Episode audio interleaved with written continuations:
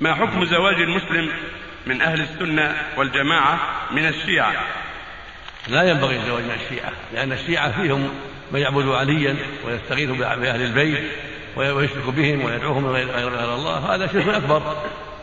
ولا سيما الشيعة الموجودة الآن الموجودة الآن والتي في غالب الدنيا يغلب عليهم الغلو في أهل البيت. فالذي ينبغي لأهل السنة ألا يتزوج منها إلا إذا عرف أنها ليست على دين قومها وأنها دخلت في السنة واستقامت على السنة والبعد عما عليه أهلها من الغلو في أهل البيت فإنهم يغلون في أهل البيت ويدعون عليهم من دون الله وغيره والحسين وفاطمة ويستغيثون بهم حتى المرأة عند الطلاق تقول يا علي نسأل الله العافية. إلا من شاء الله منهم إلا من هدى الله منهم. فينبغي التثبت في الأمور.